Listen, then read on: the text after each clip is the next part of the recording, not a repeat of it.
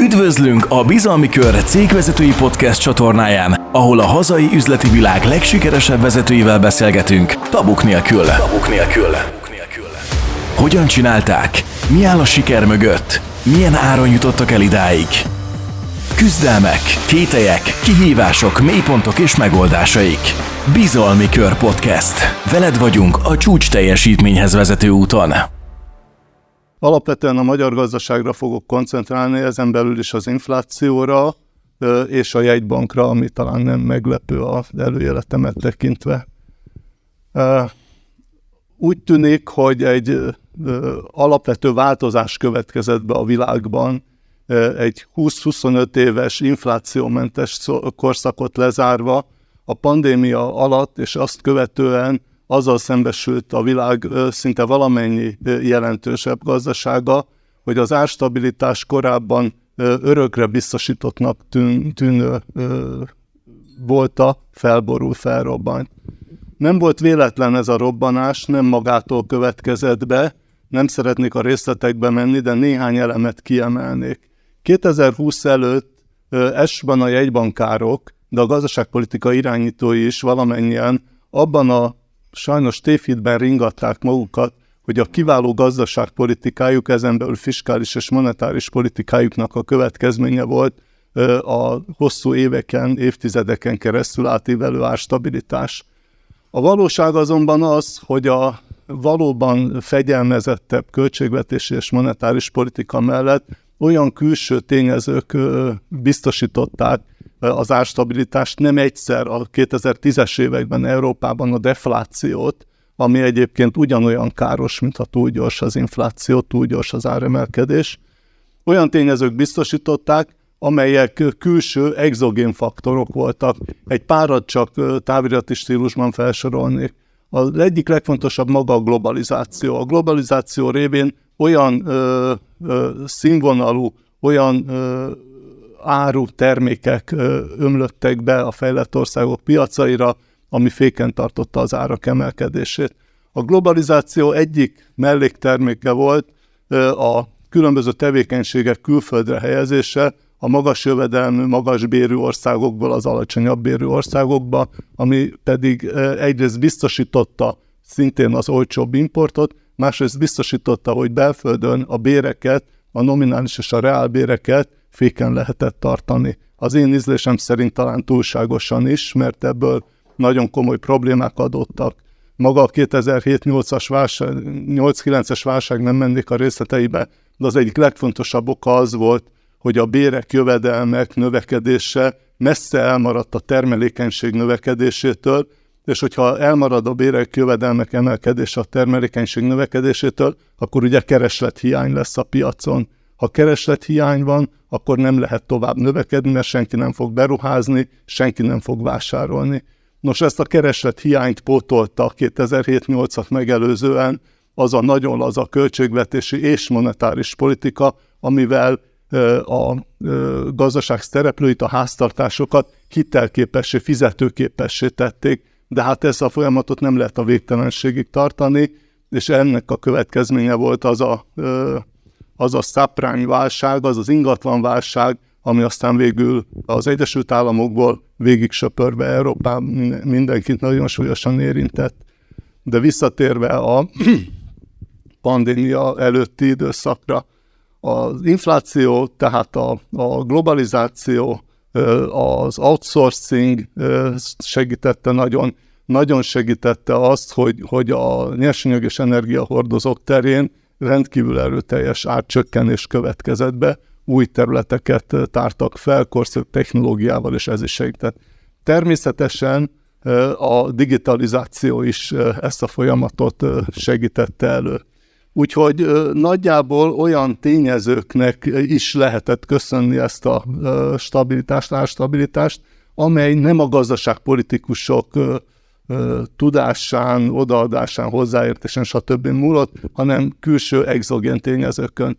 2020 és 2020-at követően felborultak ezek a folyamatok.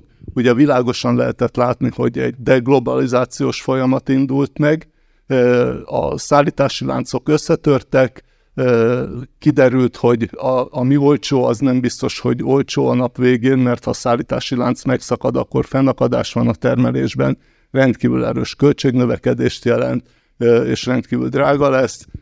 Ha a deglobalizáció elindul, és mindenféle geopolitikai okoknál fogva is itt a kínai világ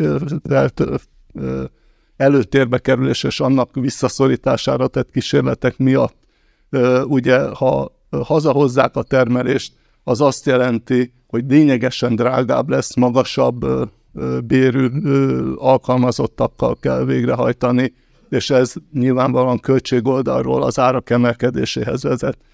Paradox módon a dekarbonizáció is az infláció erősödését segítette, ugyanis ez azt jelenti, hogy már a 2010-es évek közepétől a világ vezető bankjainak a többsége nagyon-nagyon vonakodva, vontatottan finanszírozott olyan beruházásokat, amely a kőolaj, földgáz ö, irányában ment.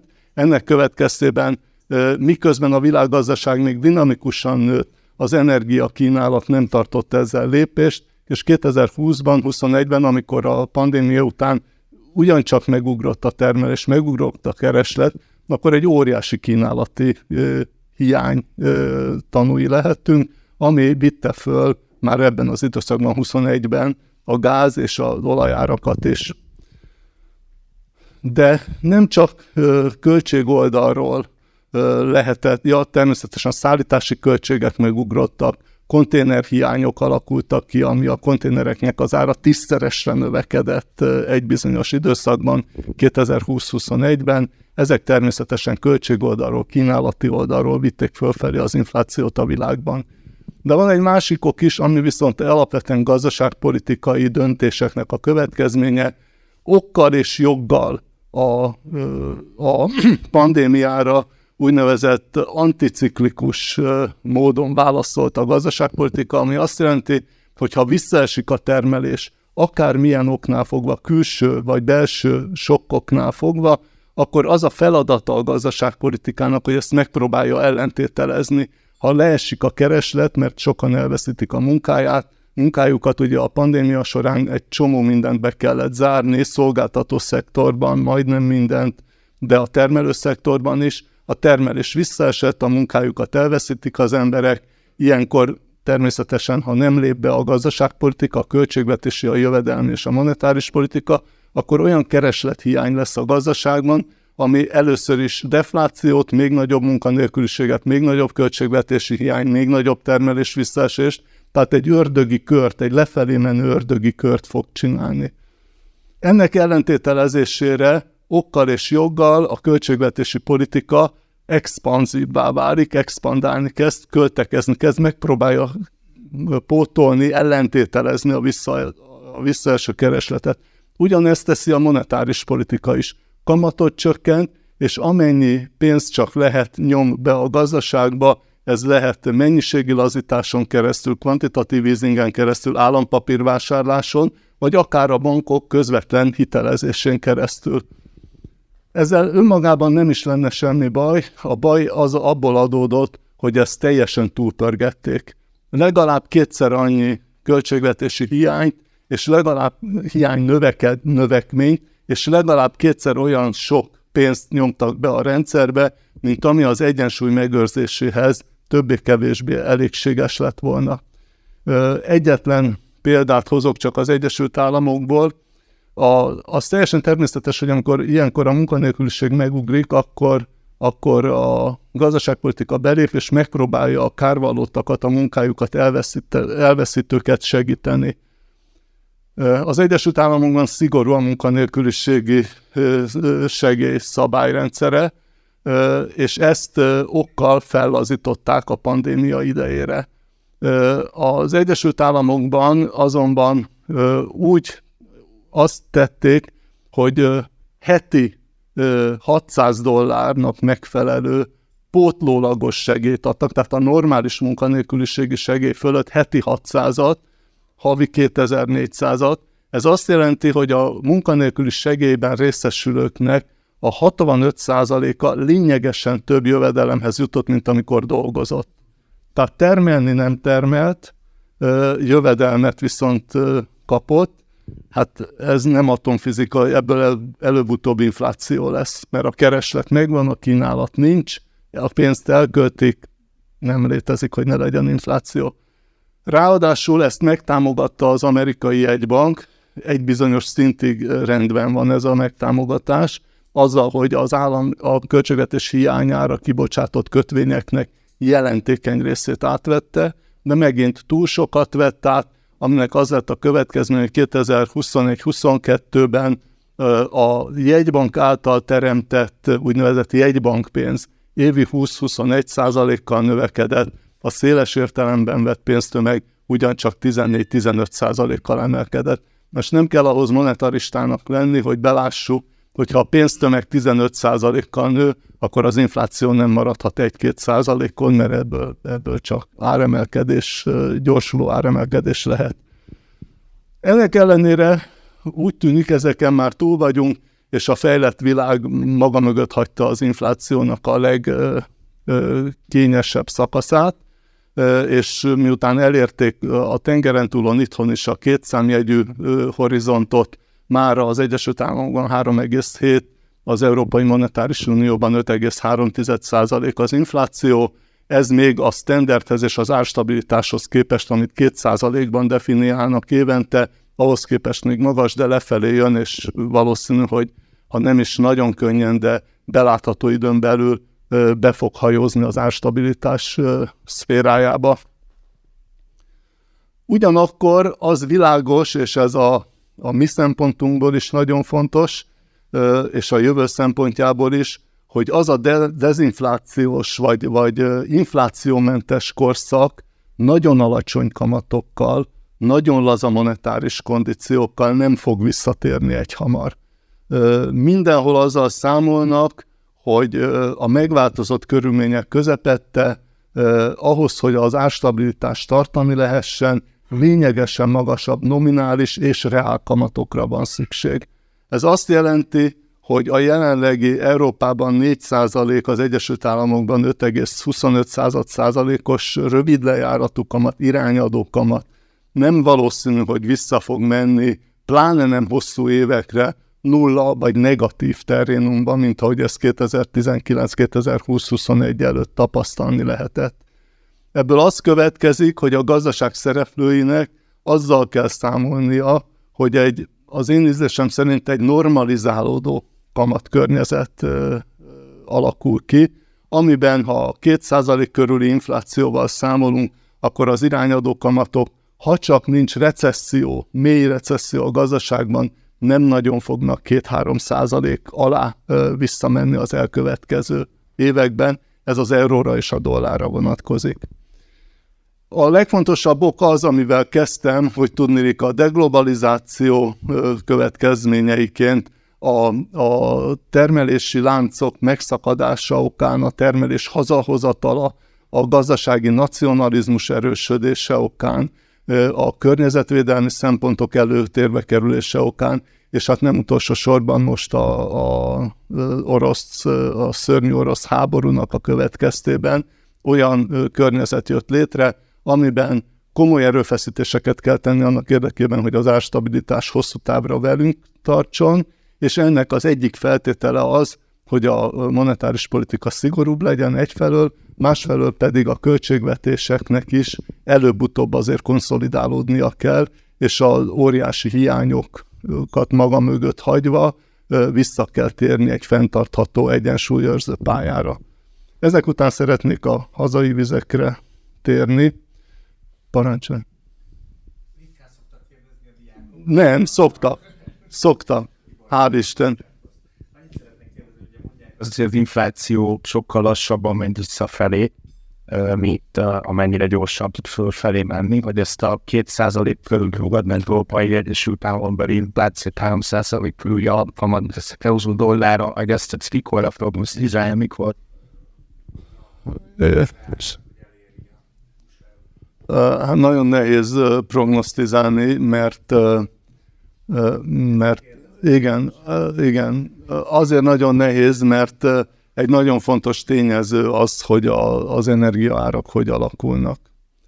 Tegnap éppen a tegnapi amerikai fogyasztói árindex egy picit fölfelé ment, mert a benzinárak fölfelé mentek, mert 60 dollárról körülbelül fölment 85-90 dollárra a, olajára, és ez nyilván a benzinárakat is 3-ról 4 dollár körülire vitte galononként. És ez az egy tétel három tizeddel fölvitt, négy tizeddel fölvitte az előző hónaphoz képest az éves inflációt. Tehát ha, ha azzal a feltételezéssel élünk, hogy egy viszonylagos stabilitás alakul ki az energiahordozók piacán, akkor azt gondolom, hogy egy-másfél év alatt vissza tudnak érni a 3% alatti, stabilan 3% alatti inflációhoz. És akkor Magyarország.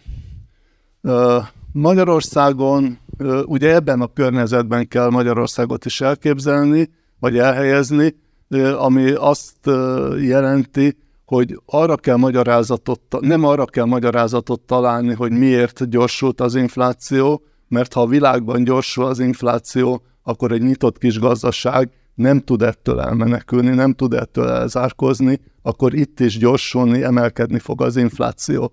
Ugye a magyar GDP-nek a, az export-import együttes aránya a magyar GDP-nek a 160-165 százaléka, tehát lényegében nincs olyan termékszolgáltatás, amiben ne lenne vastagon import, illetve ne lenne az export oldalán is érintve. Ennek következtében tehát lezárulni nem lehet a határokat, nem is volna kívánatos, viszont ez azt jelenti, hogy az, arra kellene magyarázatot találni, hogy miért kiugróan a legmagasabb az infláció, és a, leg, a legtovább, legtovább tartott az infláció emelkedő pályája, ami körülbelül ennek az évnek a tavaszától kezd el érzékelhetően enyhülni. Egy nagyon picit messziről kezdem a mesét, de nagyon röviden. Lényegében 2017 óta egy gazdaságpolitikai paradigmaváltás volt Magyarországon, amikor az úgynevezett magas nyomású gazdaságra tértek át, a high pressure economy-ra, aminek a leánykori neve úgy hangzik, hogy hogy kell túlfűteni egy gazdaságot.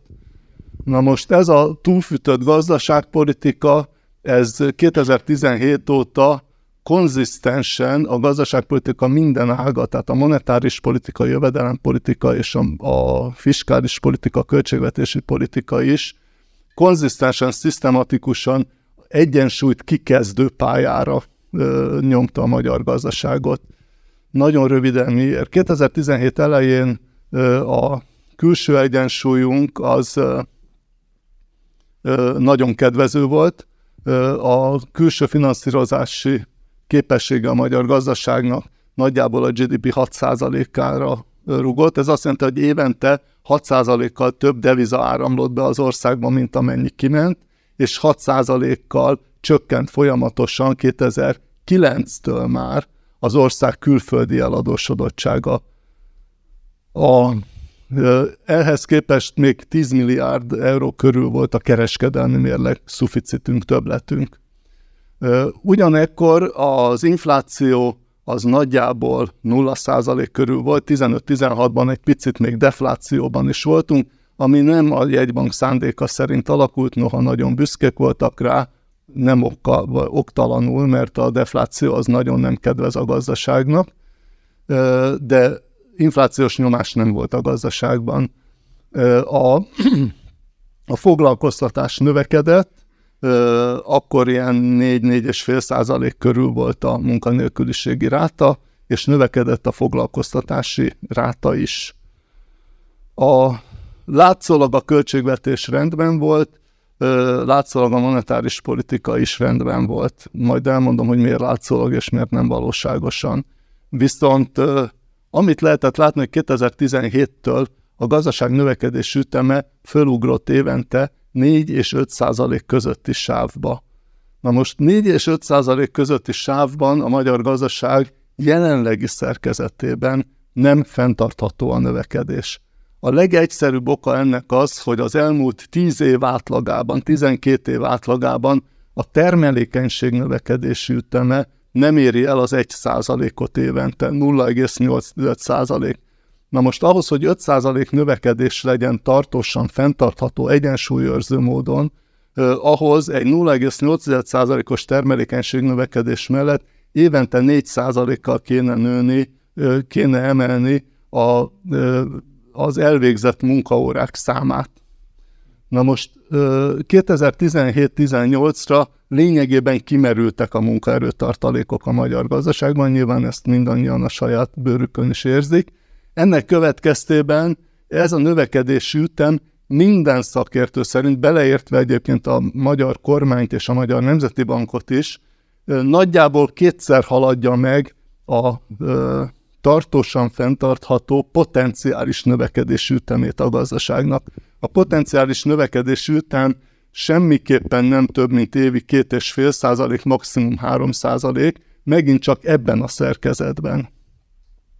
Az ebben a szerkezetben az arra utal, hogy nagyon magas a beruházási hányad, de nagyon magas ezen belül az építési hányad, nagyon magas az olyan beruházásoknak az aránya, amelyek sem közvetlenül, sem közvetve a hosszú távú növekedéshez nem járulnak hozzá. Na most ennek következtében, ugye, hogy kétszeres a növekedési ütem a potenciálishoz képest, el kell kezdődnie az egyensúlyi mutatók romlásának. Ez meg is kezdődött. 2017-től 2020 januárjáig mínusz 0,5%-ról, tehát árcsökkentésről 4,7%-ig gyorsult az infláció. Ugye még sehol nincs pandémia, még sehol nincs orosz-ukrán háború, sehol nincs energiaválság.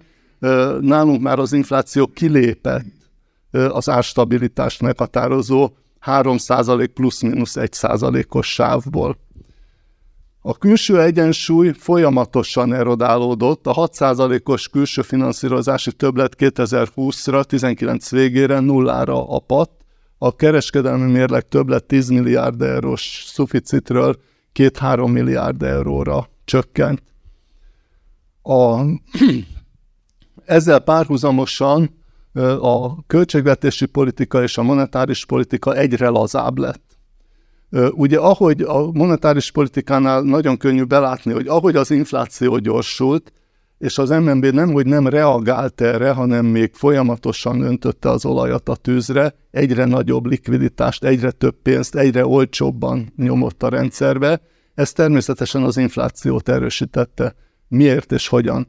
Az MNB egészen 2021 júniusáig változatlanul mínusz 0,15 százalékon tartotta az irányadó kamatát.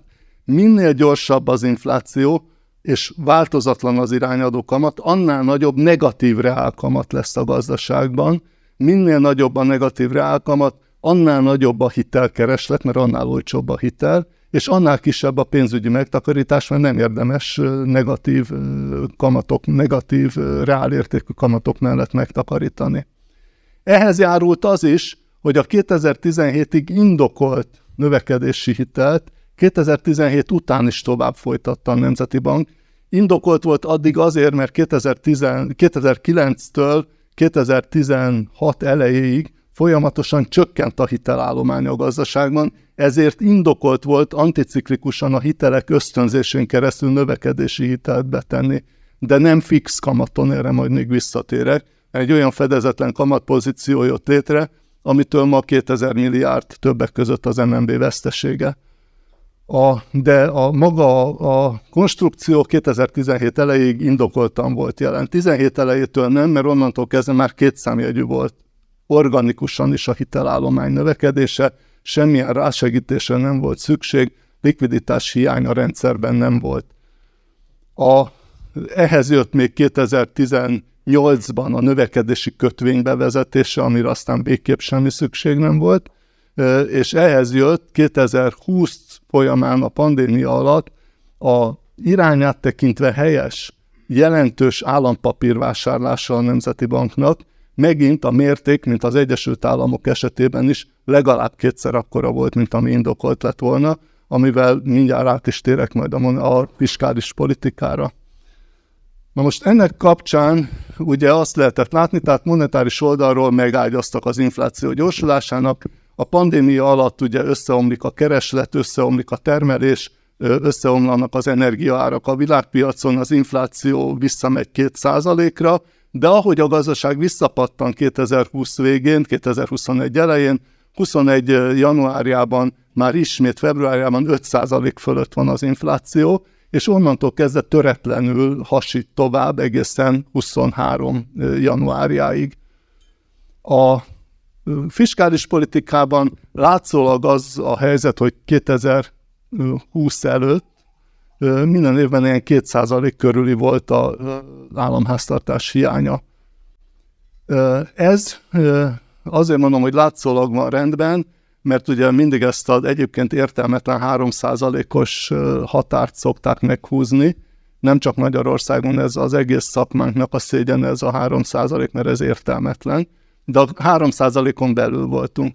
De nem az a probléma, hogy 2% volt a hiány, hanem ha a gazdaság növekedése kétszer olyan gyors, mint ami a potenciális, az organikusan fenntartható növekedése, akkor ilyenkor anticiklikusan a költségvetésnek vissza kell vonulnia, tartalékot kell képeznie a jövőre vonatkozóan.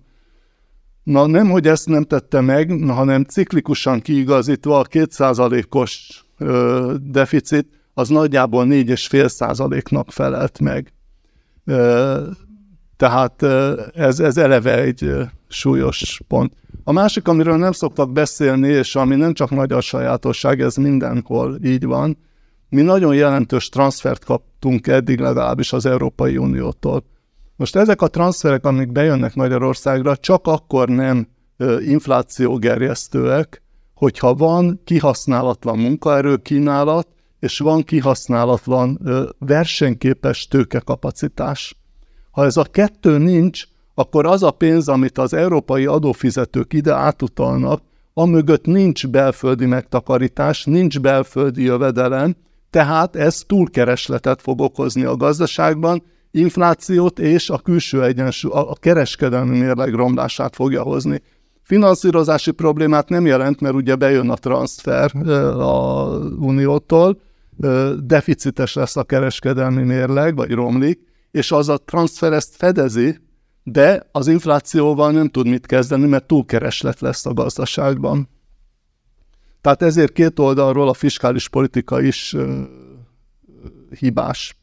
A harmadik a jövedelempolitika, ami megint az itt ülők számára nem lesz újdonság. Egy olyan gazdaság, amelyik egy százalék alatti termelékenységbővüléssel halad, és mondjuk a foglalkoztatás az 2-3 százalékot nőtt egy jó pár éven keresztül, egyensúlyi pályán nem létezhet stabilan hat éven keresztül két számjegyű nominális béremelkedéssel. Időnként lehet gyorsabban emelni egy kicsit a béreket, különösen azért, mert volt egy helyreállítási periódus a 2008-9-et követő visszaesés miatt, de egy 12-13 százalékos 5-6 éven keresztül végrehajtott béremelkedés nincs összhangban a 2-3-4 százalékos inflációs céllal. Abból csak az infláció gyorsulása és vagy a túlkereslet okán a külső egyensúly romlása adódhat. Így jutunk el 2020-ig, 21-ig, amikor külső sokkok is érik természetesen a magyar gazdaságot, azok, amelyekről az előbb beszéltem, a termelési láncok megszakadása, a szállítási költségek emelkedése, az elégtelen kőolaj és földgáz beruházások következtében a kínálat szűkülése energiaválsághoz vezet, és ennek hatása, ahogy a többi országot minket is érint, de minket már egy olyan ponton érint, amikor már önmagától 6-7 százalék az infláció, amikor a nyugat-európai országok, a monetáris unió országait, vagy és az Egyesült Államokat érték ezek a negatív sokok, akkor ott Nyugat-Európában nulla infláció volt, az Egyesült Államokban pedig ilyen másfél-két százalék volt, tehát árstabilitás környéken voltak. Minket úgy értek ezek a külső sokok, hogy már bőven 6-7 százalékos volt a, a, az infláció üteme.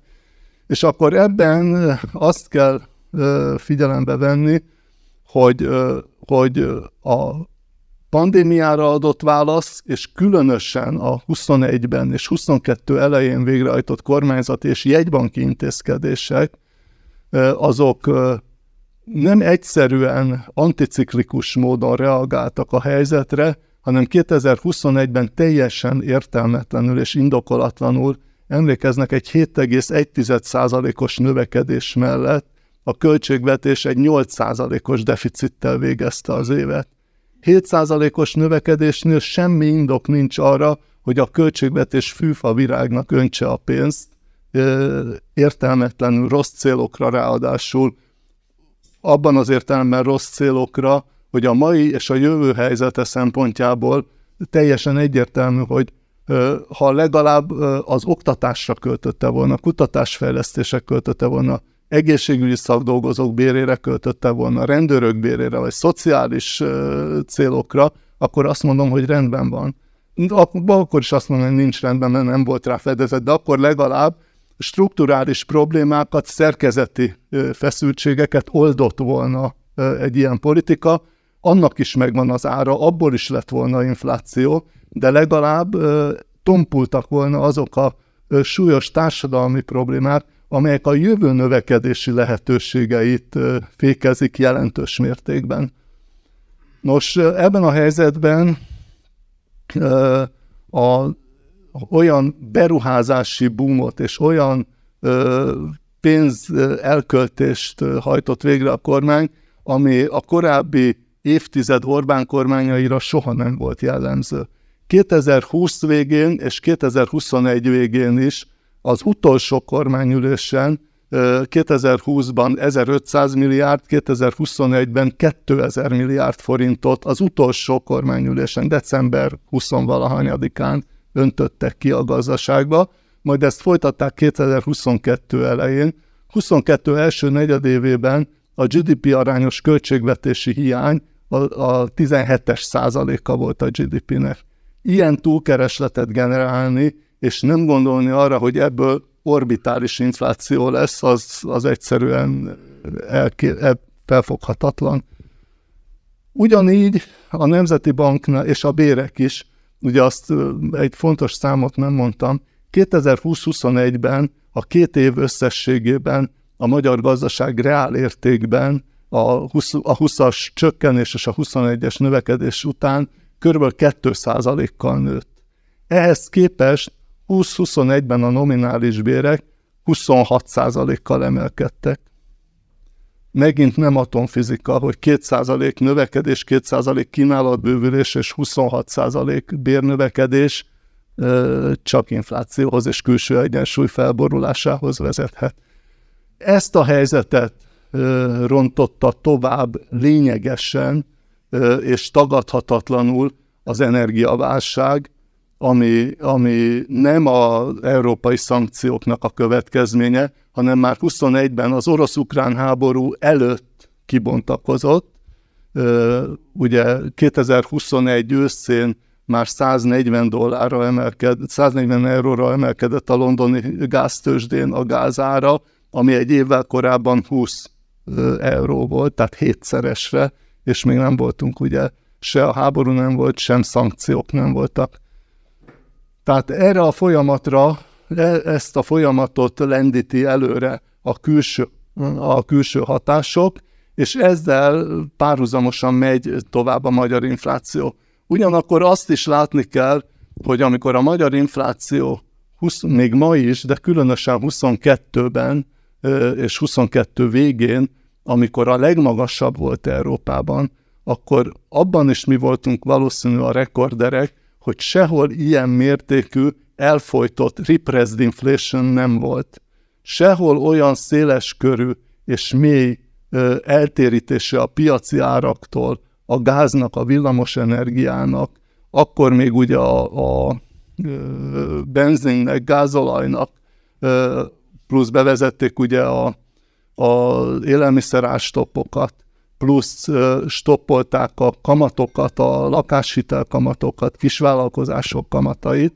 Nem volt sehol Európában, hát Amerikában ilyenbe belebukik bárki, ha ilyet elképzel. Úgyhogy nem egyszerűen csak infláció volt, hanem emellett sok-sok százaléknyi elfolytott infláció volt van a rendszerben, ami a költségvetés helyzetét teszi, részben a költségvetés helyzetét teszi lehetetlenné, részben csomó vállalkozást tönkretett, nem csak a benzinkutak, a kiskutaknak a működtetőit, hanem egyéb területeken is. Beszállítóknak okozott nehéz, nagyon nehéz hónapokat, évet esetleg. Úgyhogy mindezek következtében Magyarországon egy olyan inflációs feszültség alakult ki, ami az árakat fölvitte bőven 20% fölé, és emellett még legalább 5-8 százaléknyi elfolytott infláció is benne van a rendszerben. Innen kell visszajönni, és innen kéne úgy visszajönni, hogy ez minél kisebb, kevesebb fájdalommal járjon a gazdaság szereplőinek.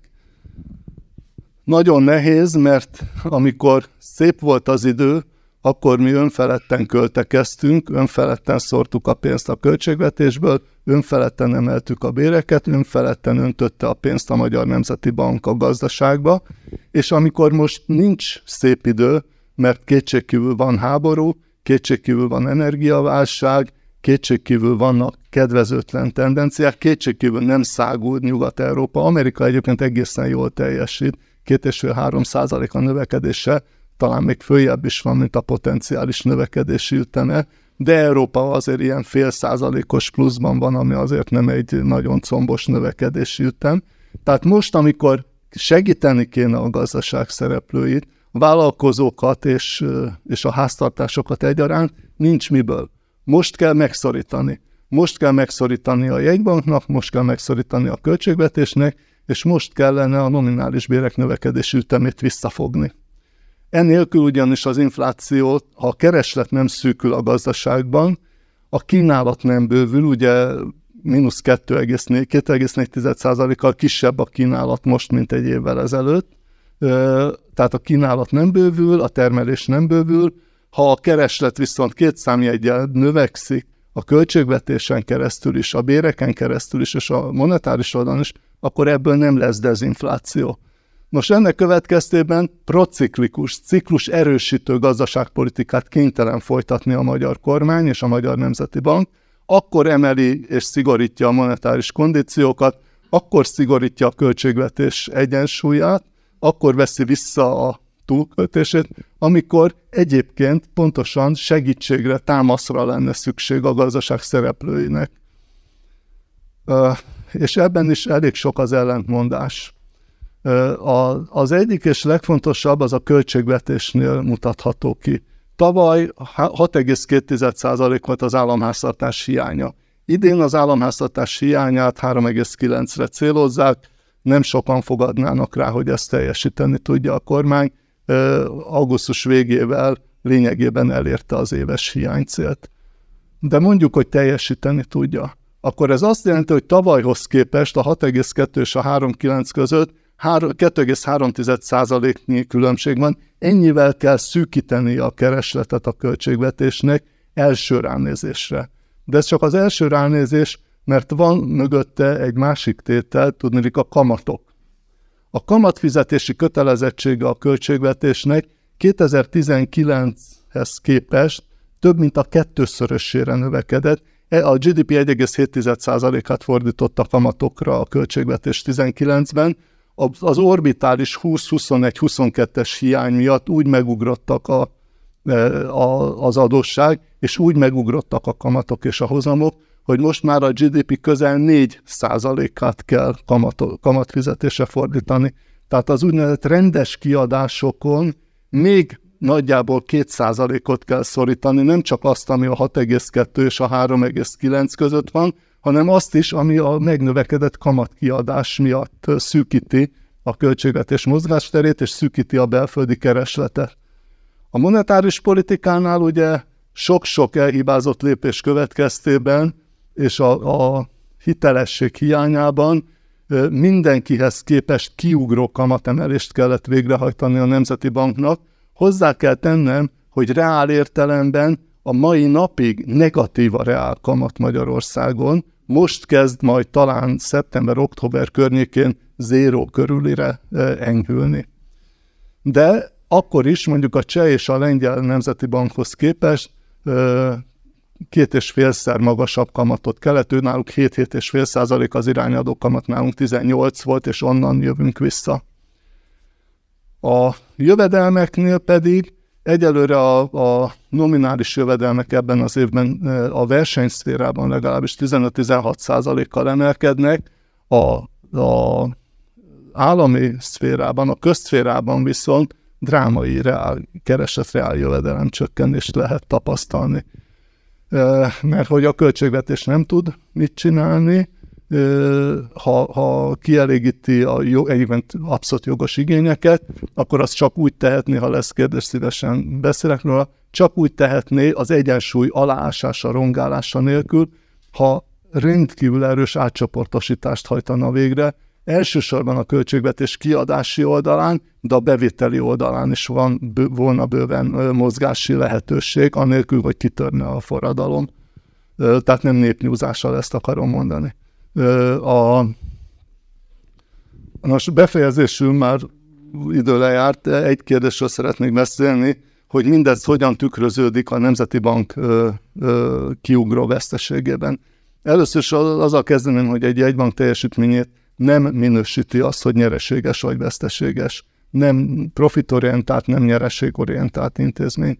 Azt sem minősíti, kifejezetten megint újra rossz döntés felé megy a kormány, sajnos az Európai Központi Bank támogatásával, hogy negatív vagy pozitív a tőkéje. Egy egybank szempontjából irreleváns, hogy van-e tőkéje vagy nincs tőkéje, egészen más állatfaj, mint egy kereskedelmi bank, vagy mint egy befektetési bank a likviditását, szolvenciáját, fizetőképességét egyáltalán nem befolyásolja az, hogy van tökéje, vagy nincs tökéje, vagy negatív a tökéje. Ami a hitelességét, antiinflációs elkötelezettségét minősíti, az az, hogy képes-e a pénzkereslet kínálat egyensúlyát olyan mederben tartani, hogy az az általa megcélzott inflációs pályával adekvát legyen. Nagyon leegyszerűsítve azt mondanám, hogy ha ha mondjuk jövőre, a jövő évben a kormány által benyújtott költségvetés 10%-os nominális bővüléssel számol, 4% reálnövekedéssel, 6% inflációval. Ha 10%-kal nő a gazdaság nominálisan egy évben, akkor minden egyebet változatlannak tekintve nagyjából 10%-kal több pénzre is szükség van ahhoz, hogy a tranzakciókat le lehessen bonyolítani. Ezt a pénzmennyiséget kell megteremtenie a bankrendszer egészének középpontjában a központi bankkal, a jegybankkal. Ha 10%-nyi pénztömeg növekedést tesz lehetővé a rendszer, akkor nagyjából ez a 10%-os nominális bővülés kielégítő pénzkínálattal fog ö, találkozni. A pénztömeg 10%-os növekedése feltételezi, hogy a jegybank által teremtett pénz, a jegybank pénztömeg is 10%-kal növekedjen. A jegybank pénztömeg 10%-os növekedése számukra lebontva azt jelenti, ma a monetáris bázis, a jegybank pénztömeg az nagyjából 26 ezer milliárd forint.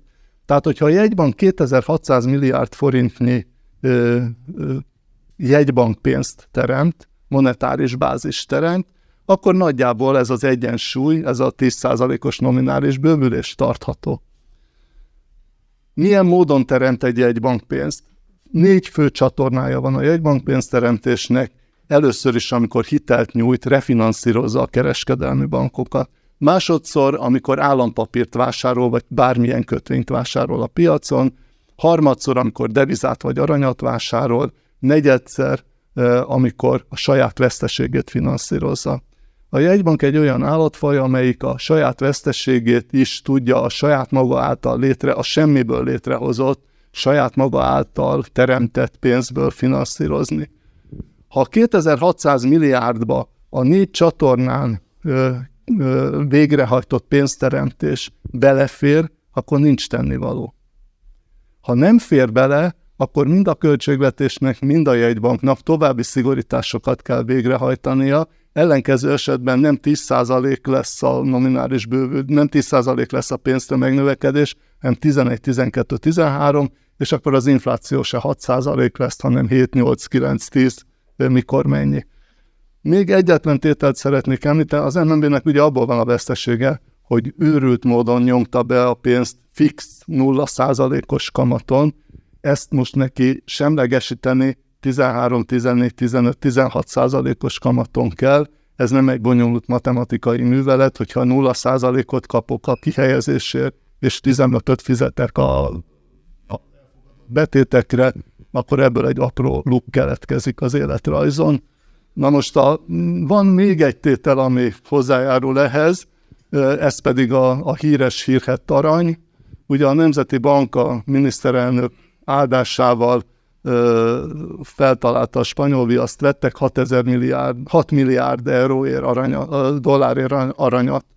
Most az arany az egy nem kamatozó aktíva, a dollár az egy kamatozó aktíva. A 6 milliárd dollárnyi aranyon éppen 5,25 százalékot veszít évente jelenleg a Magyar Nemzeti Bank, ez forintra átszámolva nagyjából 100 milliárd forint. Tehát az idei 2000 milliárdos vesztességéből 100 milliárd a teljesen értelmetlen és monetáris szempontból felfoghatatlan aranyvásárlásnak a következménye. Úgyhogy mindezt figyelembe véve azt mondanám befejezésül, hogy idén nagyon jelentősen javult, javult a külső egyensúlyunk. Ennek két fő összetevője van. Az egyik a, az energiás nyersanyagáraknak a rendkívül erőteljes visszaesése. Azt mondanám, hogy működnek a szankciók. Attól estek vissza, hogy a brüsszeli szankciók és az Egyesült Államok és a G7-es szankciók működnek. A másik pedig az, hogy visszaesett a belföldi kereslet, a belföldi termelés, különösen a beruházások. A beruházások 7-8%-kal csökkentek év per év alapon és ezek természetesen az import fékezésén keresztül javították szintén a, a külső egyensúlyt. Ennek, ennek hatására idén a várható növekedés az, én nem tartom, én komolytalannak tartom azt a vitát, hogy most mínusz fél nulla vagy plusz fél százalék, nincs érdemi különbség a, ezen számok között. Abban azonban bizonytalan vagyok, vagy több mint bizonytalan vagyok, hogy jövőre ez föl tud menni 4%-ra. Egyrészt ehhez kellene egy nagyon erőteljes termelékenységjavulás. Figyelembe véve a beruházások visszaesését, nem látom teljesen, hogy mi a forrása ennek a termelékenység növekedésnek. Egy forrása lehet, és ez hozhat kellemes meglepetést, hogy tudnék idén meg tavaly olyan alacsony a termelékenységbővül, negatív a termelékenységbővülés, mert ugye a, ter, a foglalkoztatás nő, a termelés meg csökken, hogy ez, a, ez jó bázist jelent, és emiatt esetleg gyorsabban nőhet, de semmiképpen sem 4 kal A másik, hogy a költségvetésnek további megszorítást kell csinálnia, nem csak azért, mert 3-9-ről le akar menni 2-9-re, hanem azért is, mert idén nem fog 3-9-szel zárni, hanem sokkal nagyobb lesz mindenki szerint a, a deficit. Úgyhogy a költségvetés megszorít, a kamat, kamatfronton tartósan pozitív reálkamatok lesznek, ami az elmúlt tíz évben nem volt, tehát az, az kereslet szűkítő hatású, és hát az egy fekete doboz, hogy a béremeléseknél mi történik. A versenyszférában valószínűleg, amiről most beszélnek, hogyha a minimálbér 10%-kal emelkedne, akkor azért az valószínűleg az egész bérskálát nyomja fölfelé, tehát nem nagyon lehet annál kevesebb. A közszférában meg biztos, hogy nem tudnak 10% bért emelni általánosan, kivéve azt az esetet mondom, hogyha radikálisan megváltoztatnánk a magyar költségvetésnek a szerkezetét, aminek a jeleit én nem érzékelem. Köszönöm szépen.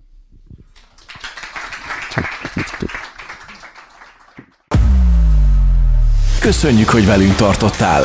Reméljük inspirációval, motivációval és új ötletekkel tele folytatod a csúcs teljesítményhez vezető utat. Mi veled vagyunk! Ha tetszett az adás, ne felejts el feliratkozni a csatornánkra, további exkluzív vezetői tartalmakért pedig látogass meg minket a közösségi médiában vagy a weboldalunkon. A következő epizódban találkozunk. Sziasztok! www.bizalmikör.hu per podcast